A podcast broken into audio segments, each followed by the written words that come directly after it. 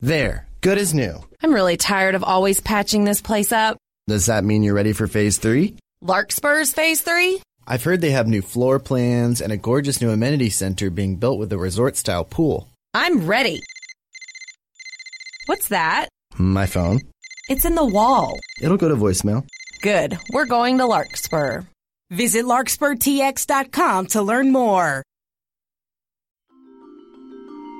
I got to a place within my life where I was so open to every experience to continue to walk through open doors, cracked windows, to be able to say yes and just trust that the universe wasn't going to let me down. Katie Chirgotis had it all a good job, a loving relationship, friends and family, and financial security. And yet she flung herself across the country to start over and create the life she wanted. What emerged was the truest expression of herself. I'll let Katie tell you the rest. I'm Elizabeth Kendig, and this is Healers.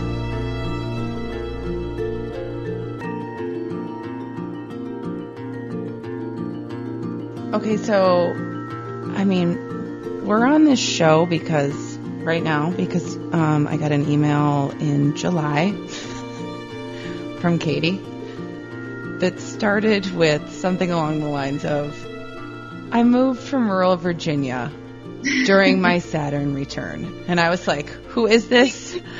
yep.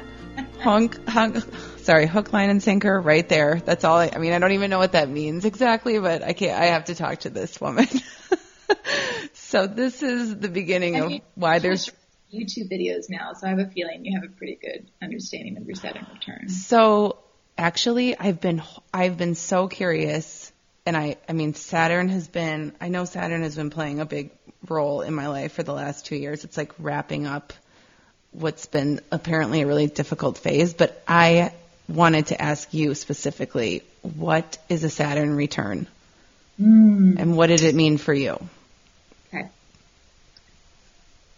Saturn return is when Saturn, the planet, is natally returning to the home in your chart where it was when you were born.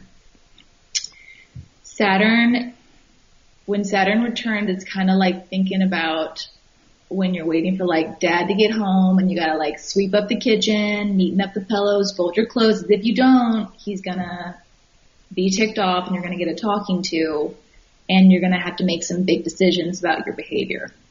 Um, Saturn is the aspect within our chart. It's, it's the builder. I mean, we just, we exited Capricorn season not that long ago and that's all about like building structure and creating new guidelines and, um, we're seeing so much of that in our political spectrum. It sounds like for you within your personal spectrum. But our Saturn return personally usually happens between like 27 and 31, just depending on kind of where you, where you fall. Um, mine started when I was 27, um, 2011 that would be, yeah. And when Saturn falls in my house, um, that is essentially the house of like death, sex, and transformation. An amazing combination. Right, right. It's just like the most, um, it happened to me in a way where everything that I had been before I had to be completely like with love and attention put down, put aside, and I, I became something entirely new. Um, and that sounds very like lovely and poetic when I say it. In real life, it was really gross, sweaty, dirty tears, you know, like big, um, loss essentially. Like a humongous amount of loss to be able to get to something that I didn't even really know what it was, but I knew I had to,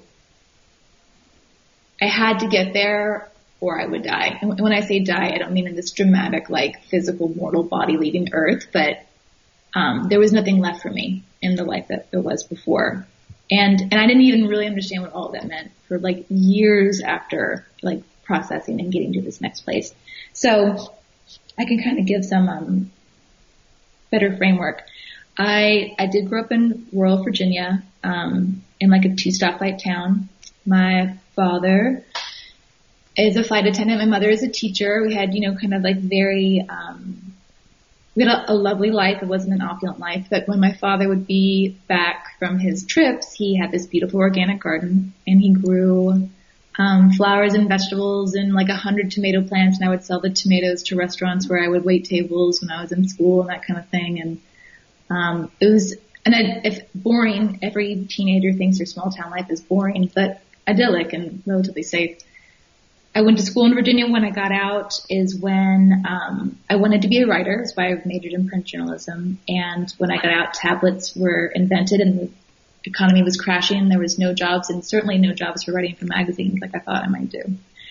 And um, I landed in advertising somehow in television and radio production. And which is funny because I wasn't really a big TV watcher when I was growing up, and it, it was a language I didn't speak, but involved involved travel and like creative people and like beautiful scenery. And I was always in New York and LA and on shoots and in, in production. And um, within those five years, I completely burned out.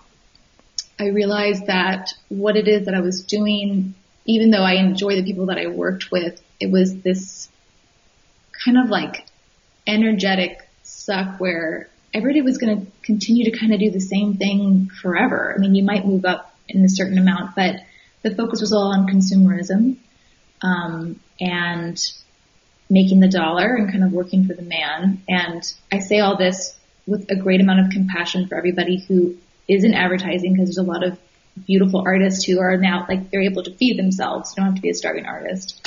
You can find different ways to do it. So that being said, um, when I would be sitting at my desk, probably I should have been making production calendars. I would be, you know, kind of spending time on Design Sponge or different design blogs.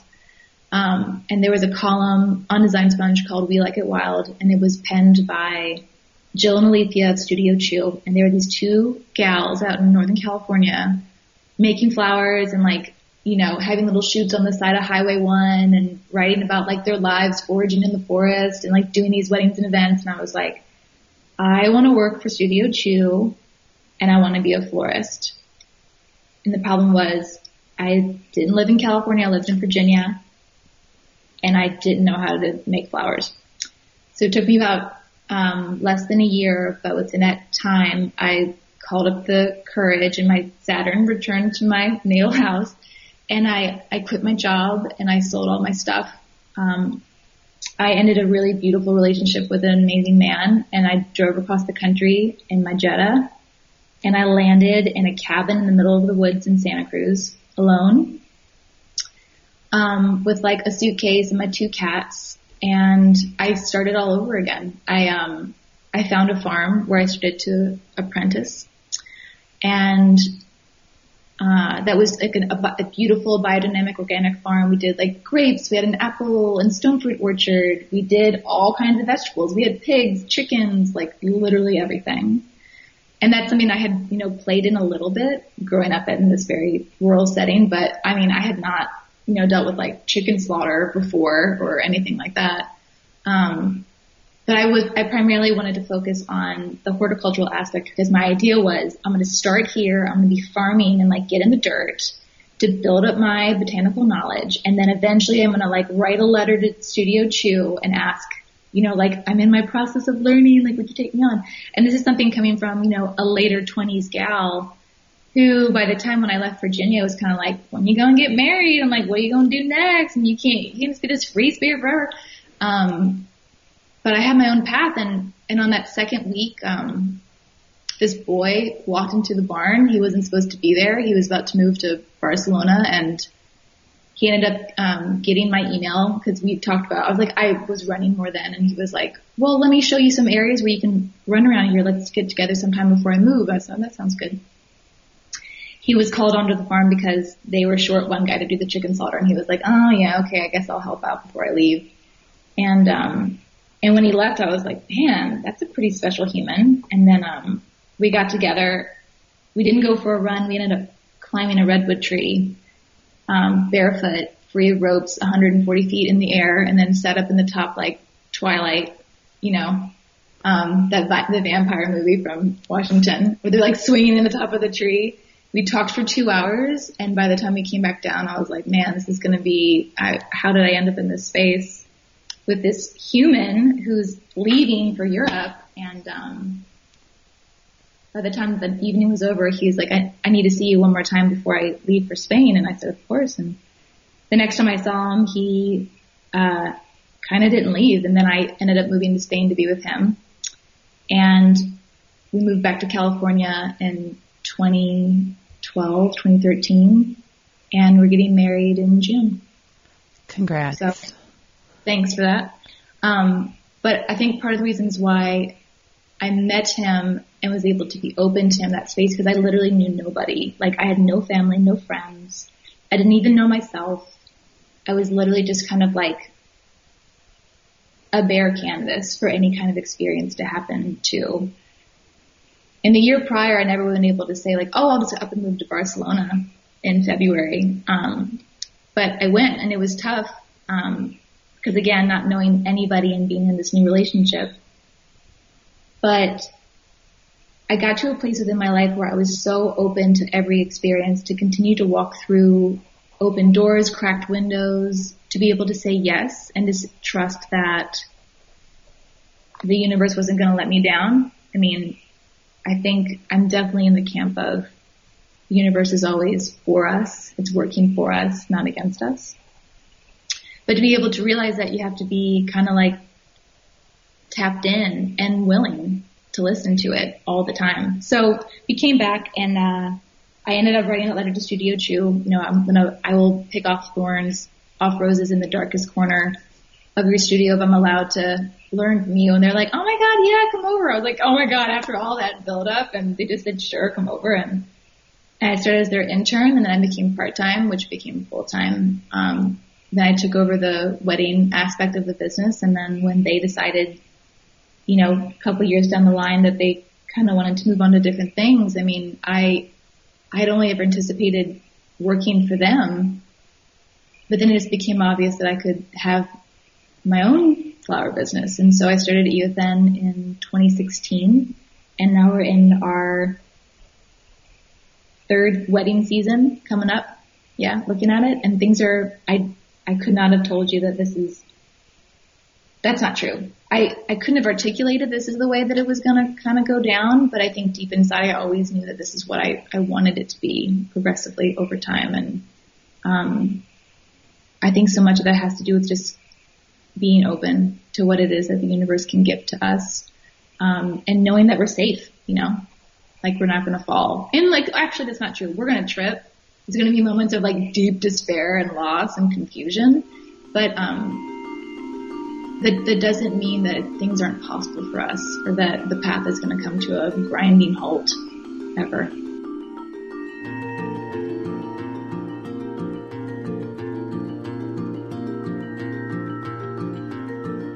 When you moved across the country, did you also kind of know deep down that this is this was all going to work out? That the, the universe had your back then, or is that just is that in hindsight and through through this experience?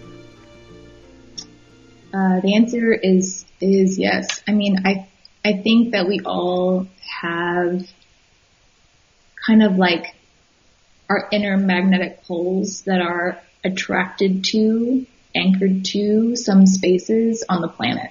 Like we all have those really special places where we're like, this, I, I, for you perhaps it's like when you walk the streets of Paris, you felt like you were home. Like there's some kind of inner compass that lines up, right? And, um, I had, I feel that deeply for California and particularly in particular where we live now, now that we've bought this house in Corralitos, like I manifested the heck out of this house because I knew I wanted to live in this valley, 10 minutes from this ocean, 10 minutes from that mountain. And, um, as a person who has a lot of home is so important to me, like the, the anchor and security of home is, uh, is paramount and to have my my natal, my native home, you know, like an entire landmass away. But to feel like I belong on both sides has been such a revelation to me for sure. So yeah, I, I, I knew like with every mile that I counted down as I drove, I knew that I was going towards what my life intended me to go towards. I'm supposed to be here for sure. I'm sure that some of the listeners are having this sort of like eat, pray, love Oh my God. I moment, right? Definitely. And I mean, if I like, um, if I could go to an ashram and like really kind of round that out, yeah, totally. I mean, I would, I would be down. But I, I think what I, what I deeply feel for everybody is, um, our, our inner compass, like, kind of always knows where we're supposed to go. And whether that be, you know, like a side street in Indianapolis or, um, you know, I don't know, being in Corralitos, California on a 75 degree day in February, I mean, like, so be it. I, um, I think what really ends up happening is that we kind of get in our own way, like the headiness of it or the constructs of like, I mean, I'm not going to lie. Nobody in my family was down with my giving up a very excellent job, stable relationship, a beautiful life that was, you know, I was close to people that I knew and I loved and, um, life was easy and, uh, I was like set up essentially for the rest of my days to be financially comfortable. Uh, and I, and I, when I said like, sorry, I need to, I need to do this, like it took a long time for people to kind of get on board or to understand. I would say like up until 2018, you know, this, this year, they're like, oh, I got, I get it now. And whether that be because I don't, I didn't have the words at the time to even articulate what I felt, what I knew deep down is that to be able to become the next iteration, a better iteration of myself, like I had to totally leave, right? Like I had to like throw myself across the country because we allow ourselves, if you look at, do you study the tarot at all? I can probably pull on a little bit of that. I, I pull cards every once in a while, yeah. But the chariot, the concept of the chariot is we're on this, sta- you know, very stable, safe, beautiful, um, ride where something else is pulling us to the next thing and we get to kind of like cruise and relax in it. But the thing is like you gotta get off the chariot. You can't stay on it forever, right? And that can be within our careers, our geographic location, our relationship, whatever that might be. Um, cause we just can't keep going around and around the same circle. It's boring for one. And for two, um, to be able to go forward, like that's why we're here on earth, right? To continue moving forward. Yes, I feel like maybe you were sent as a messenger today for me. Selfishly, I, I mean, this is.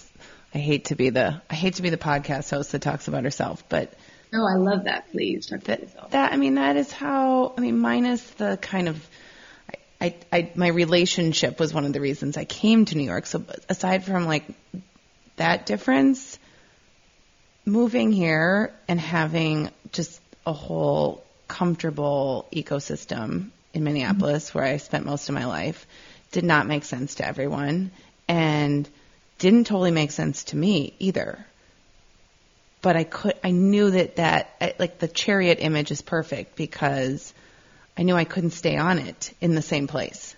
I mean, it just was like something needs to change. I don't know exactly why. It's not because I'm unhappy. It's just that pull um, to the to growth, really. And I had probably had less of a plan than you had, um, which drives me nuts. Everyone who's been listening knows it drives me nuts to just not have a plan and a goal. But um, It's really hard to feel as if you are essentially um, like floating in space, weightless, groundless. Like there's nothing. You're looking down far below. You can kind of see the ground. You don't know that is the exact place where you're supposed to land. It's very unsettling to Yes. be without that. Yes. And and I understand fully. I felt that for a long time, and the uncomfortability of it. You know, the kind of like crying on the bathroom floor situation where you're like, why did I do this? Yeah, that's real. It's really real. It's real. I've been there a lot in the last couple of months. Not a lot, but you know, just you kind of don't think about that when you take the leap because you just have to go, and the fallout will happen later, right? The crying on the bathroom floor. Um, I'm I'm curious since you didn't know anyone and you just you did kind of go to the ashram by the way. You went to this cabin. that's true.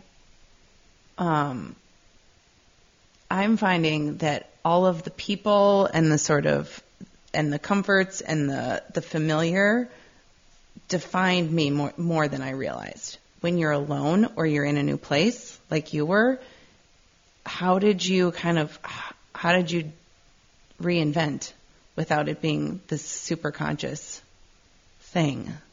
Did you just go toward what you were drawn to?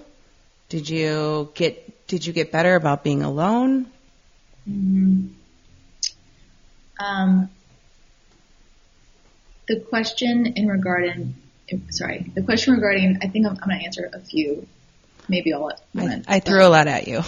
no, no, no, it's, it's all good. I'm, I'm, thinking about the best way to frame this. So for one thing, I, um, being alone in the middle of the woods in a cabin without a telephone, internet, cell phone service as a, you know, in like 2011. So like that, and being so far from everything. Um, a lot of fear comes up in the dark, right? I mean, a lot of us are afraid of the dark. and I kind of, I resisted it for about five days and then I fully immersed myself in the concept of the only way I can get to the light is to be within the dark. And I'm not just saying that in a literal sense of being in this deep, dark redwood forest in a canyon. Um, it required me to look at aspects of myself that I had not, for one, given time to do because I had worked like a maniac, as um, most millennials do, to try to achieve and to prove and to, you know, be able to say like, I'm doing all the things I was supposed to do. But to be alone in the woods, um, there was a lot of journaling that happened, a lot of weird dance parties for sure, um, a lot of processing. And what I came to on the other side of that was whatever it is that I present to the external world when I come down out of this cabin, like my weird hermetic self, it's just going to be authentically and truly me. Like there was actually no reinvention. What it ended up becoming was the truest expression of what I always had been, but that I'd always kind of covered up because maybe it was like, it was too weird or, uh, a little too out there or people didn't really understand what I was speaking towards or weren't interested in the things that I was interested in. I had always known that I was like a kind of a weirdo, so, so to speak. Um, but perhaps that concept of being strange or different or other had more to do with just the framework that I had been within prior. Um, I'm not saying that I'm not weird now, like that's not it, but, but I think I started to see even within my own face, it was like, like regression, like years kind of being pulled off. Um, the person that I was, that shedding of that person, I, it's not that I didn't, I didn't mourn the loss of her for sure. I had a really beautiful life. I was incredibly lucky. Um, but I kind of felt like reborn. This all sounds extremely dramatic, but it's true in that when you're in that space where you, you literally know no one and that might bring up some feelings of, I didn't have a partner when I moved the way that you did, but perhaps you have moments of resentfulness or blame of like, I, you know, you thought this is what you wanted, but now like, now you're here and like, why, why am I here? And I'm here for you Am I here for me or what is the purpose of my extreme upheaval? Um, and what it is for you, I'm sure, and it'll become more and more obvious is that you get to kind of be your deepest, truest, most authentic self because no one has any concept of that person who you were in Minneapolis. Like you get to be Elizabeth in Brooklyn fully. And whatever she is, is who exactly you are right here, right now, in this moment, full embodiment of it. And there's so much freedom in that. Like not being able to see the floor, it might be scary as crap, but it also means that you get to be anywhere in the world for like for yourself, you know? Um, and it will change again. Like this time next year, you won't feel the way that you feel in this moment.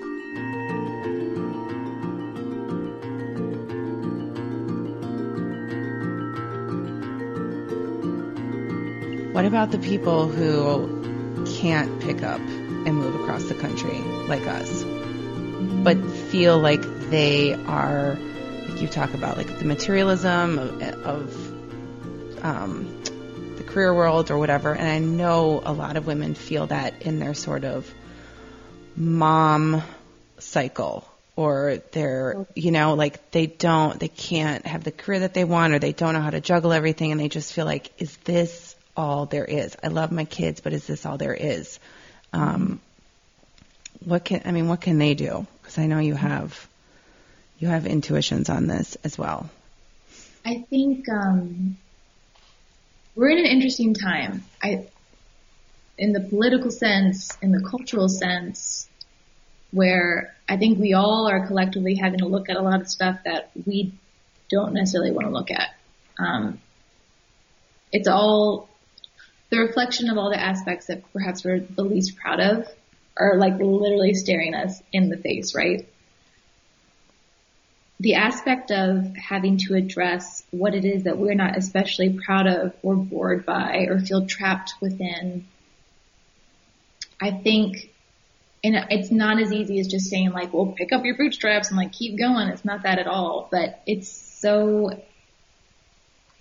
I love this podcast because you bring on these people who are interested, wanting to, working towards opening gates and channels for other, for other people, right? Mm-hmm. But the thing is, is that we all, every single one of us have that capacity to look at that aspect of ourselves. To be a channel, to be a healer has to completely begin with you. In saying or recognizing when and having neutrality about like, oh, this isn't something that I'm particularly proud of or I'm understanding that those feelings that I feel, perhaps those aren't just my feelings. Like I'm picking them up from my kid or I'm picking them up from my partner and being able to suss out like what's mine and what's theirs is like step one into being able to be in tune to your own radio frequency. And I think that we all, as a as a collective, as a you know like a human race, we're all trying to like get on the same frequency ultimately. Like I think a lot of the frustration or the pain or the suffering that happens is because we we can't we feel like we can't connect or be a part of something or a sense of belonging. Um, that that loss is real, and I, and I think that we're all kind of deep, deep within that. Um, I have so many beautiful mother friends in my life, and I feel extremely fortunate. And the thing that I that I see the most within them is this radical shift of I got to do or be whatever I wanted before this. But who's not to say that what it is that they are within this moment isn't the most like big, beautiful free aspect of it. They're becoming something completely different. They're that aspect of transformation. Um, what they're going to be on the other side of it is better, more whole, more grounded. And to be able to recognize those aspects, like as a mother, you must be the most grounded you can possibly be, right? For your child, for yourself. And I think starting with the simple act of standing on that playground as your kid swinging on the swing, having your eyes closed for one moment and just taking like three deep breaths and smelling the air, feeling the ground beneath your feet, hearing the sounds in your ears, realizing that like you are in the world, an integral part of it, like you are part of that flow and remembering that you're not alone within that travel, that path, um, is, is kind of like step one. It's like the babyest, the babyest steps. And I think that um, no matter where we are within our life, to be able to take that moment to like just full pause, full stop, right? Like the madness of our careers, um, being in traffic, meetings, calendar invites, notifications, all of that. So take that one minute and super pause and just remember that it's this time, this A, B to C to D situation. It's ourselves who are on that chariot ride and we can step off whenever we want to take that moment and tap back in. Beautiful. You are um, one of a number of healers who have reached out and said, Oh, it's not really my thing to, you know, put myself out there. Like, I don't need to be seen. I'm doing my thing but I know that you had, there were probably s- wisdom that you wanted to impart by being on the show. because you've listened to other healers and, and you know what part of your story that we need to hear. Is there anything that we've left out today?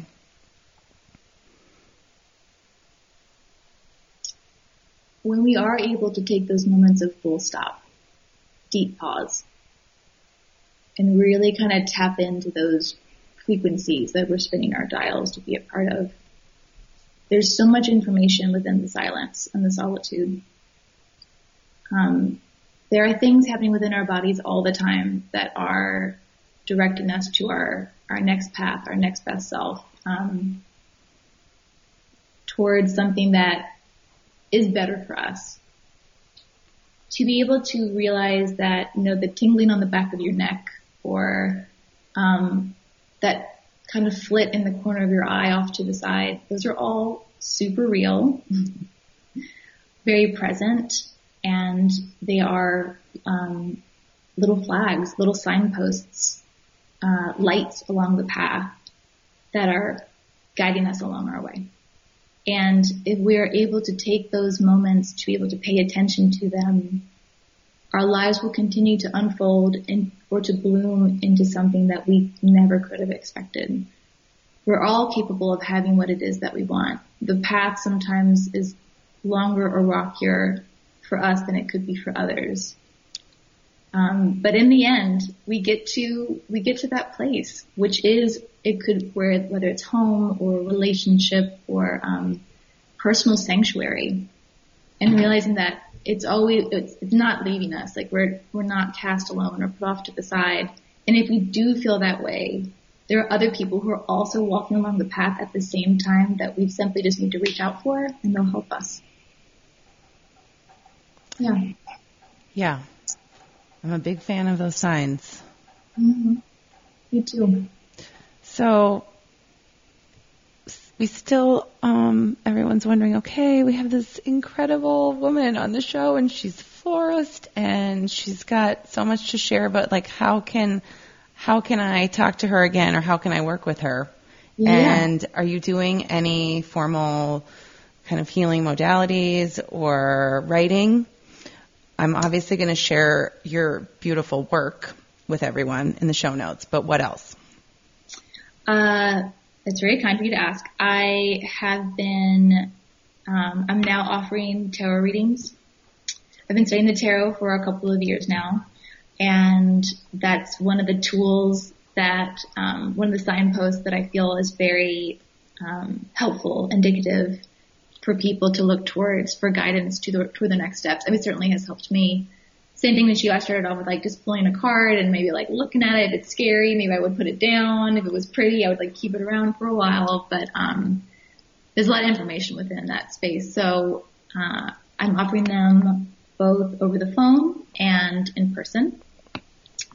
Um, to be paired with that, I've been in intuitive training for the past year to be able to increase that knowledge, um, that connection, and to be able to serve people in a way. I feel like we're in a we're in a place now. Um, we all we all could use some healing. We all know that, but there's so much amazing energy now coming around towards how can we help one another what do we need to know? What are the tools that we need? Who can we reach out to? Who can we lean on?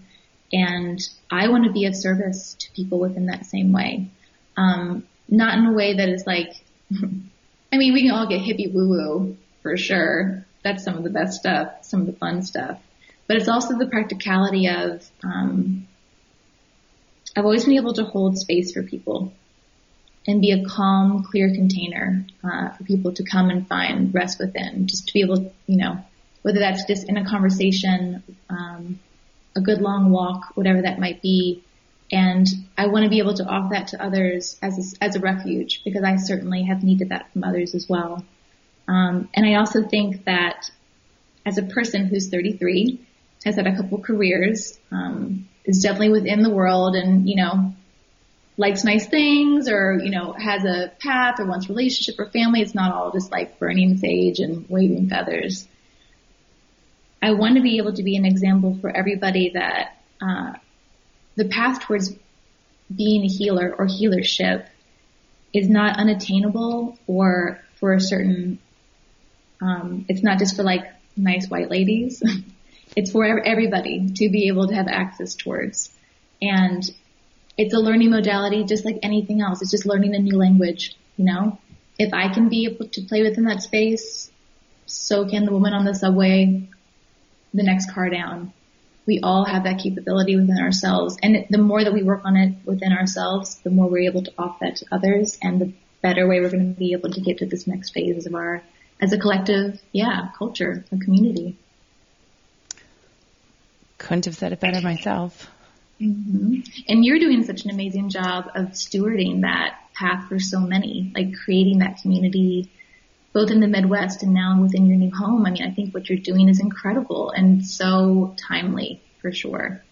Thank you. I, as you know, you can't, once you, you can't unsee it. Once you have any of these experiences or once someone has, you know, taken your hand or gone on that walk with you or you've had that connection to something bigger than yourself, it's just, it's impossible to not hold that space for other people and, and, and share with as many as you can reach. So I'm so grateful to have you on. I really am. I can't wait to get a tarot reading from you. mm. Too. You'll have to come to California and come to my tarot tent, so then we can. Oh my gosh, there's a tent too. Oh, stop it, stop it. Come I'm, with your sweetie. You guys can come stay for a while. Oh, he would love that. He is my he is my spirit monkey, so um, I know he would be totally into it. I wish we didn't have to say goodbye, but we do. Yeah, that's okay. Okay, well, until next time, namaste. Namaste.